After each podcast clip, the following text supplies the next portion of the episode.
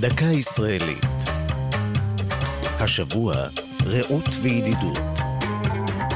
והפעם, מוזיאון הרעות. מתקופת המנדט ועד קום המדינה התנהלו שלושה קרבות מרכזיים במצודת כוח, מפני שהקימו הבריטים להגן על גבולה הצפוני של ארץ ישראל בזמן המרד הערבי. ב-15 באפריל 1948 מסר צבא בריטניה את השטח הסמוך למצודה לידי ערביי ארץ ישראל.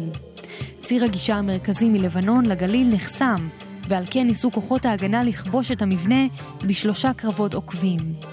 הנודע שבהם היה הקרב השני, בליל 20 באפריל, ובו תקף הגדוד השלישי של הפלמ"ח את המצודה. הפעולה לא צלחה, ובמהלכה התחוללו כמה מעשי גבורה.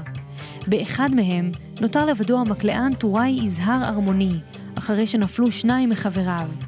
תוך חירוף נפשו המשיך ארמוני לחפות על חבריו עד שנפגע ונפל.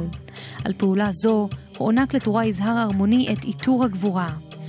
בשלושת הקרבות נפלו 28 לוחמי פלמ"ח, וכך קיבלה המצודה את השם כוח.